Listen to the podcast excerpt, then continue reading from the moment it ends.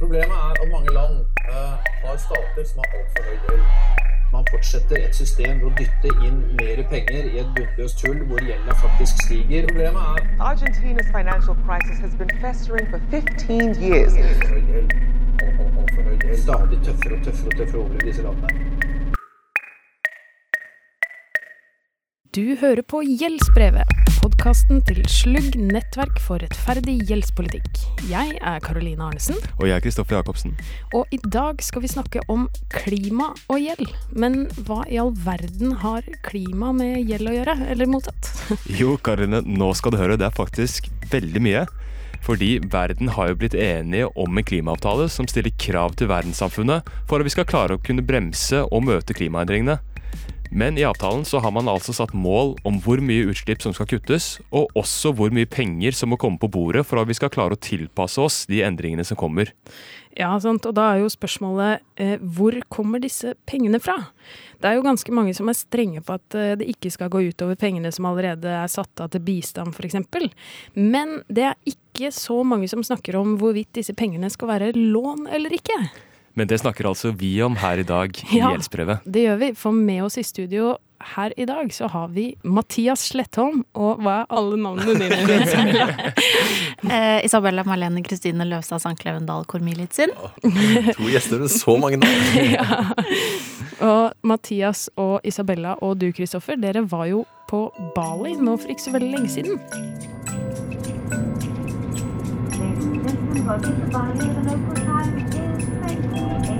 Hva var det som skjedde der? Ja, vi var eh, Verdensbanken og IMF hadde såkalt annual meeting, eller annuals. Eh, så vi var der og, for å da snakke om eh, gjeld og løfte klima- og gjeldagendaen. Og disse annual meetings, hvem er det som er på de møtene?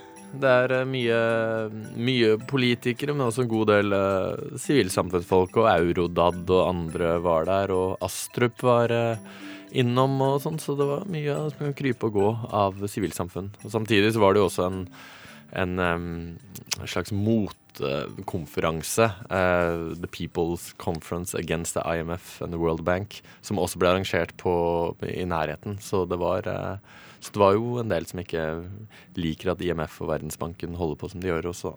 Nei, sant, og det er jo litt sånn lang tradisjon for det, at man protesterer litt når IMF kommer til landet. Det vi hørte var at uh, politiet kastet dem ut av lokalene de hadde tenkt å møtes i, hvor også egentlig vi skulle være. Så hva som skjer akkurat nå, det vet vi ikke. Hva var det som skjedde egentlig, Isabella? Eh, først fikk vi beskjed om at eh, hele konferansen hadde blitt eh, avlyst fordi eh, lokale myndigheter eh, ikke ønsket at den skulle finne sted. Og så senere så fikk vi beskjed om at den hadde blitt flytta, og at de hadde funnet et nytt lokale. Men da vi faktisk skulle reise dit, så var politiet igjen på plass og lukket eh, rett og slett den konferansen. Så vi fikk ikke møtt dem, dessverre. Og dette var altså en ikke-voldelig eh, protest. Det var bare en eh, streit eh, konferanse med seminarer og sånne ting, var det ikke det? Ja. Vi ble litt overraska. Mm, for du hadde jo kledd på deg sånn Ja, lok i- lokalklær Ja. og greier. Nei, ja, fordi at Sånn Bali-T-skjorte i dag for å, for å passe inn. Så Ja, men nå sklir du jo rett inn. Du ser jo ut som en lokal. Veldig kledelig, altså. noen skal slutte å smile til meg, og da tenker jeg at det må være de lokale som tror at jeg bare er, er en lokal. Ja, Det er ikke sånn at det blonde håret avslører deg eller noe? Nei. Nei. Fordi jeg, Det er jo litt sånn irriterende varmt, og man må gå i liksom dressjakke og bukse og sånn på den vanlige annuals. Og så den ene dagen hvor vi da skulle til disse People's Conference, så skulle jeg jo kle meg ut som en people. Så da fant jeg Bali-skjorte og sånn, og så ble jo ikke den av. Så da ble jeg værende igjen der med disse viktigperene på den eh, vanlige annuals i sånn Bali- Bali-skjorte og shorts og sånn. Så det var ikke helt bra. Fordi dere var jo på innsiden. Dere var jo ikke en del av det sivilsamfunnet som ble eh, kasta bort. Dere var jo på en måte en av de streitingene som var inne og hadde møter og snakka med folk med makt. Ja, vi hadde full Eller ikke full tilgang, men tilgang til de fleste møtene. Var dere klare da til å ta på dere den her store oppgaven og få folk til å skjønne at klima og gjeld henger sammen? Ok, dere, Er dere klare for vår egen panelsamtale i dag, eller? Ja, jeg føler jo litt at dette er sånn her eh, Jeg føler meg litt som landgangen i Normandie. da. Dette er vår D-dag på dette annual meeting. Så, men jeg tror det, som D-dagen, det gikk jo veldig bra, så jeg satser på at det gjør det for oss òg. Hva handler panelsamtalen om, Isabella? Eh, Det handler jo om det store temaet som vi jobber med akkurat nå, om hvordan man kan finansiere klimaendringer uten å føre til ytterligere gjeldsbyrder. Så med oss har vi en person fra IMF, eh, en flink dame fra UNDESA og Lidi Nakbel, som er en eh, filippinsk aktivist som har jobba mye med begge tematikkene. Så jeg tror det blir kjempespennende. Så nå er klokka litt før åtte, og vi er på vei i bussen ned til konferansesenteret for vår panelsamtale her på Bali i 2018. Eh, alle vet at man trenger å få penger på bordet for å finansiere det grønne skiftet. Eh, og så har man ikke tenkt så mye på hva er konsekvensen av det hvis vi lånefinansierer det. Men så viser det seg jo at veldig mange av de landene som er allerede i eller på vei inn i gjeldskrise, altså de, noen av de fattigste landene i verden, er sammenfallende med de som er mest utsatte for klimaendringer, og som trenger eh, store mengder eh, penger til å eh, tilpasse seg de endringene, eller, eh, eller lignende, da. Og så er det jo sånn at alle land må jo bidra med å redusere utslipp og de tingene her. Eh, men det kan, det er jo veldig kostbart. Og er vanskelig for mange land som sliter med økonomien i utgangspunktet. Så det å skulle få en sånn ytterligere gjeldsbyrde på toppen av det for at vi skal komme i mål med de klimamålene, det eh, kan føre til gjeldskriser. Det var det vi ville snakke om. For hvor stort problem er det her potensielt, eh, Isabella? Fordi i Norge så snakker vi om at vi bidrar med så og så mange milliarder til f.eks. det grønne klimafondet i året. Er det liksom lån, eller er det gaver, eller er det Ja, litt av problemet er jo at man ikke vet helt sikkert. Eh, så fordi man rapporterer på det på ulikt måte. Eh, I Parisavtalen så ligger det et eh, ønske eller et krav som alle verdens land har blitt enige om, at de industrialiserte rike landene skal bidra med 100 milliarder dollar i året fra 2020 i klimafinansiering. Punktum. Eh, Det er fordi man vet at det er de landene som har bidratt mest til utslippene, som fører til klimaendring. Eh, Og så har man ikke sagt noe om hvor stor andel av de 100 milliardene skal være lån eller gjeld. Og derfor er det heller ingen regler for eh, hva man kan si at man har bidratt med. Så både lån og bistand teller inn mot den 100 milliarder dollar-målet, da. Eh, nå i desember så, så er det klimaforandringer i Polen. Og der skal de prøve å bli mer enige om de tingene her. Men hittil så eh, kan f.eks. Frankrike, da. De gir 98% av sin klimabistand som lån. Eh, melde inn alt det og, og klappe seg selv på skulderen og si vi har bidratt med så og så mange millioner til klimafinansiering, men det er i realiteten lån som de kan ta renter på og tjene penger på etter hvert.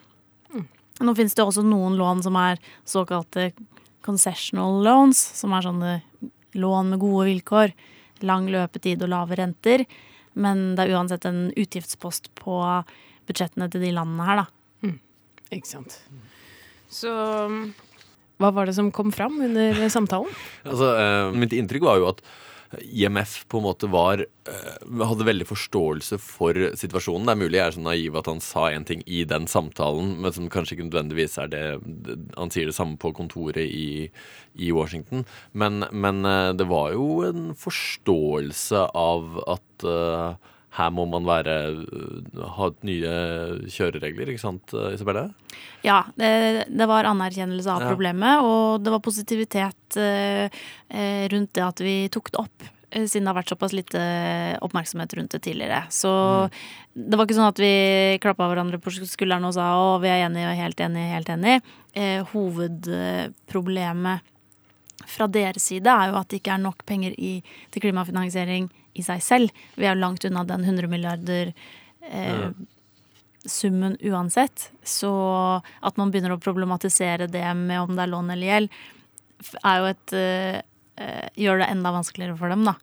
Eh, samtidig som de syns også det er viktig at vi påpeker dette. Fordi eh, så snart et land havner i gjeldskrise, så vil de jo ikke ha noen slags mulighet til å kunne finansiere utslippskutt i sitt land.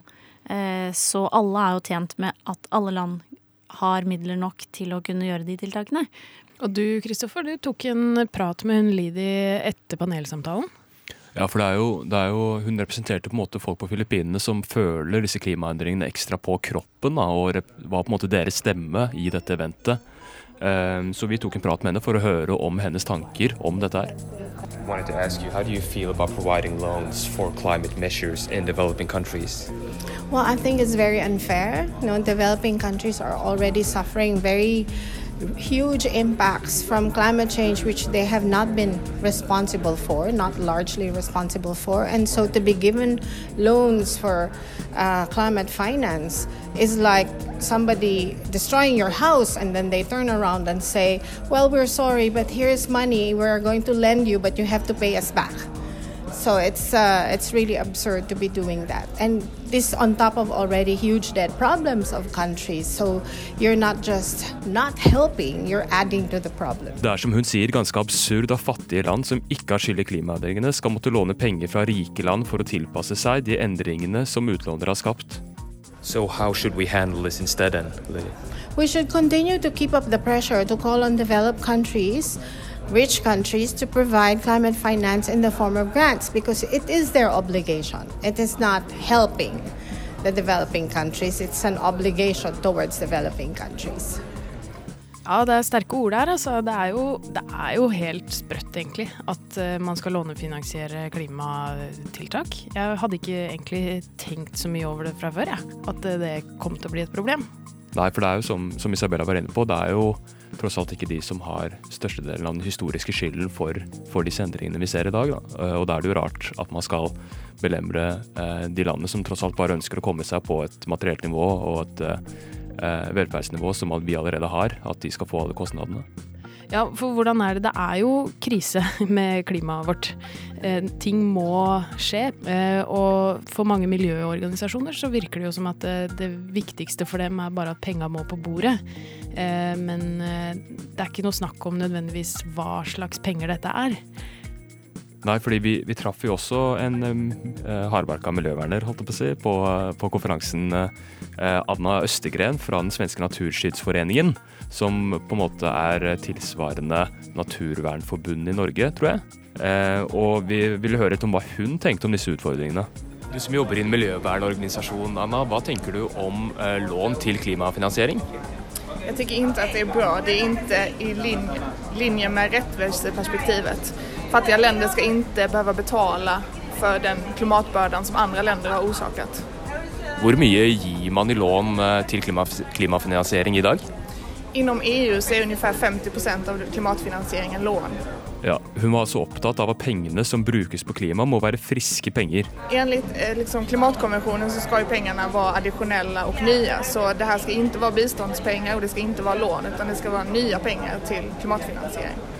Ok, Så klima- og miljøorganisasjonene har også etter hvert kanskje fått øynene litt opp for det her. da. Hvordan, eh, hva slags inntrykk har du Isabella, av eh, norske organisasjoner? Har de noen bevissthet på at eh, penger er ikke bare penger? Eh, ja, eh, vi, og vi jobber med det også. Eh, vi samarbeider med flere organisasjoner her i Norge. Og, og, felles for mange av dem er jo selvfølgelig det at, at, det skal være friske penger. At det skal være i tillegg til det ordinære bistandsbudsjettet f.eks. Det er det stor enighet om. Og så er det en viss enighet om at hvilket historisk ansvar Norge har, hvor stor andel vi må kutte, og hvor mye penger vi burde gi klimafinansiering. Eh, og så er jo vi jo ganske heldige her i Norge, fordi vi har jo myndigheter som, som ikke rapporterer lån inn mot den 100 milliarderen. Altså vi gir jo ikke lån til klimafinansiering. All vår finansiering er bistand. Så vi ønsker jo bare at Norge skal være enda tydeligere på det som en sånn lederskikkelse internasjonalt, da, og oppfordre andre til å, til å gjøre det samme. Mm. Men i forkant av møtene på Bali så møtte vi UD, Finansdepartementet og Norges Bank. Eh, og da, da, snakket vi om dette med klimafinansiering og gjeld. Eh, og de virket eh, åpne for å ta imot innspill på det og syntes at det var interessant. Men samtidig så var litt uh, inntrykket at Norges posisjon er at finansiering til klima ikke er så veldig annerledes enn annen bistandsfinansiering. Mm. Og nå er de jo snart i gang med klimaforhandlinger igjen. Og det er kanskje en ny eh, sjanse til å ta på den her ledertrøya, da, eller? Ja, det er det vi ønsker, eh, og heldigvis så har vi flere representanter fra sivilsamfunnet eh, og de andre organisasjonene som skal ned dit og, og pushe på dette, da. Tror dere at lånefinansiering kommer til å være en del av samtalen? Kommer det til å bli problematisert og sånn, tror dere? Vi håper jo det. Eh, vi tok det opp med den norske forhandlingslederen eh, på et møte tidligere i høst, og da, da, da spurte vi om lån var en del av, eh, av eh, beregningene, eller eh, ble det tatt hensyn til i det hele tatt, og det virket som det var et helt nytt konsept. Men kan vi på en måte risikere at hvis det nå kommer 100 milliarder dollar på bordet, så kan 50% av det være lån, liksom? Ja, det er det jo i dag. Kan det bli verre? Kan scenarioet være verre enn det? Ja, altså Hittil så finnes det jo ingenting som tilsier at det er ingen regler som hindrer at det kan bli en større andel. Og fokuset er stort sett å komme til det målet om 100 milliarder i seg selv. Og det er vanskelig nok, eh, virker det som, da. Så vi er jo nysgjerrig på å se hvilket hensyn det aspektet vil ta Mm. når de snakker om det. Ok, men eh, resten av dagene på Bali, da? Eh, hvordan var de, Mathias? Nei, altså, det var ikke noe ferietur, føler jeg egentlig. Det var ganske intenst med seminarer eh, hver dag å gå og lære og forstå litt om hva de ulike sivilsamfunnsaktørene drev med og sånn. Men så var det jo selvfølgelig På kveldene så var det jo ute og spise eh, god mat, og det var et deilig, deilig sted vi bodde på og sånt. Så det, var, så det var veldig fint, men det var veldig intenst lærerikt eh, seminardager inne på et eh, konferanse, svært konferansested. Men Fikk dere bada litt og slappa av litt òg? Ja da, vi fikk bada, og slappa av litt av og, og sånn også, så det var, eh, så det var koselig, det. Mm, og du satte deg litt i gjeld også, Mathias, gjorde du ikke det? Ja, men så er man på tur med slugg, så tenker jeg at eh, det er viktig å, er viktig å å fokusere på gjelda. Føle den gjelda på kroppen. Ja. Halla, Mathias. Ja, da er det bare å flashe casha. Da tok jeg ut 2,5 millioner. Intet mindre enn det. Nei, du veit, when abroad, you're abroad. Så hvem er det skylder penger? du skylder 300 000. 300 000, var det ikke det? Det er bare å, det er bare å Vi dealer i småpenger her, med andre ord. Ja, ja, ja. Det er så deilig å være norsk utenlands. Du klarte fint å håndtere den gjelda der da, Mathias. Ja, jeg har eh, heldigvis eh, god uh, gjeldshåndteringsmekanisme internt. Og gjeldshåndteringsmekanisme var jo også et sånn nytt, eh, relativt sånn nytt begrep som jeg også lærte på, på Bali. Ja, en gjeldshåndteringsmekanisme, altså en eh, mekanisme som kan håndtere gjeldskriser på en rettferdig måte, og også forhindre nye gjeldskriser. Mm. Eh, det var det vel litt spennende snakk om på Bali, Isabella, fordi det foreligger et sånn forslag om en pilot. Ja. Eh, noen av våre samarbeidspartnere, bl.a. den tyske søsterorganisasjonen RLA Siar, de har jobbet frem et forslag, eh, en pilot på hvordan en såkalt gjeldshåndteringsmekanisme kan se ut for eh, karibiske øystater. Mm. Og vi tok jo en prat med Kristina Rebein fra Asiar om hvordan dette vil fungere i praksis. Hun forteller at i denne piloten så foreslår man at dersom katastrofen inntreffer, vil det automatisk bli en gjeldspause for det rammede landet, at man fryser gjelda. Maybe you have this moratorium, let's say, for a period of six months. And this six months, you have a bit of time to kind of really get the uh, disaster relief done and kind of cool down a little. And then the idea is that after that, you need a comprehensive kind of process of restructuring the public debt of these countries.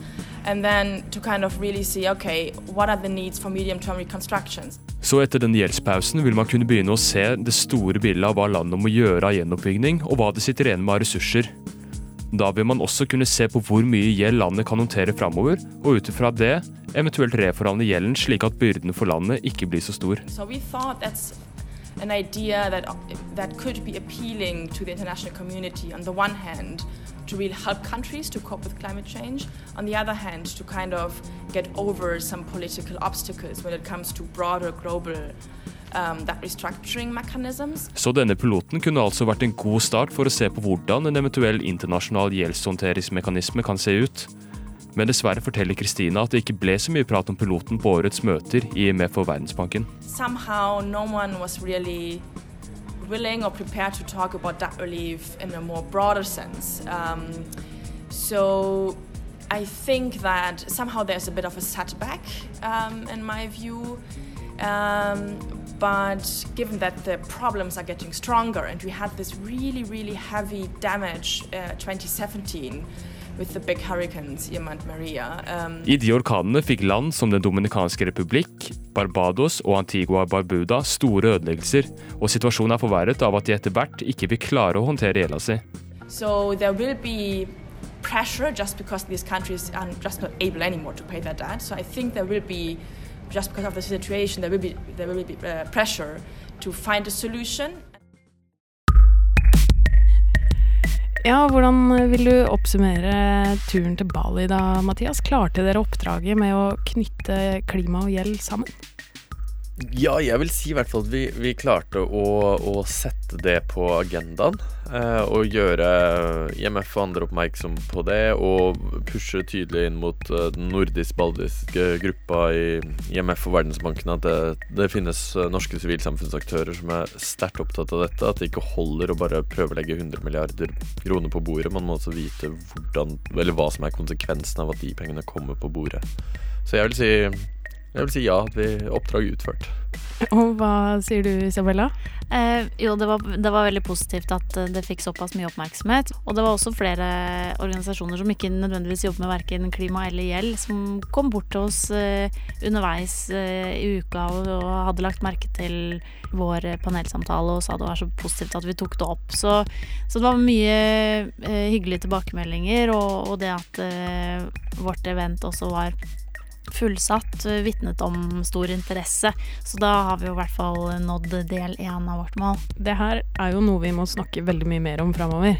Dette er jo helt hårreisende, Kristoffer, om verdens land skal sette seg i eh, dyp gjeld for å håndtere klimaendringer som eh, de ikke har noe skyld i sjøl. Det her må jo Norge ta litt ansvar for framover. Vi må rett og slett ta på oss ledertrøya, som, som Isabella Slugg sier, altså. Mm. Det skal vi her i Gjeldsbrevet i hvert fall jobbe for. Tusen takk for at eh, dere kom i studio, Isabella Dahl Kormlitzin. Jeg klarte ikke alle de syv navnene, men Det går fint. og Mathias Slettholm.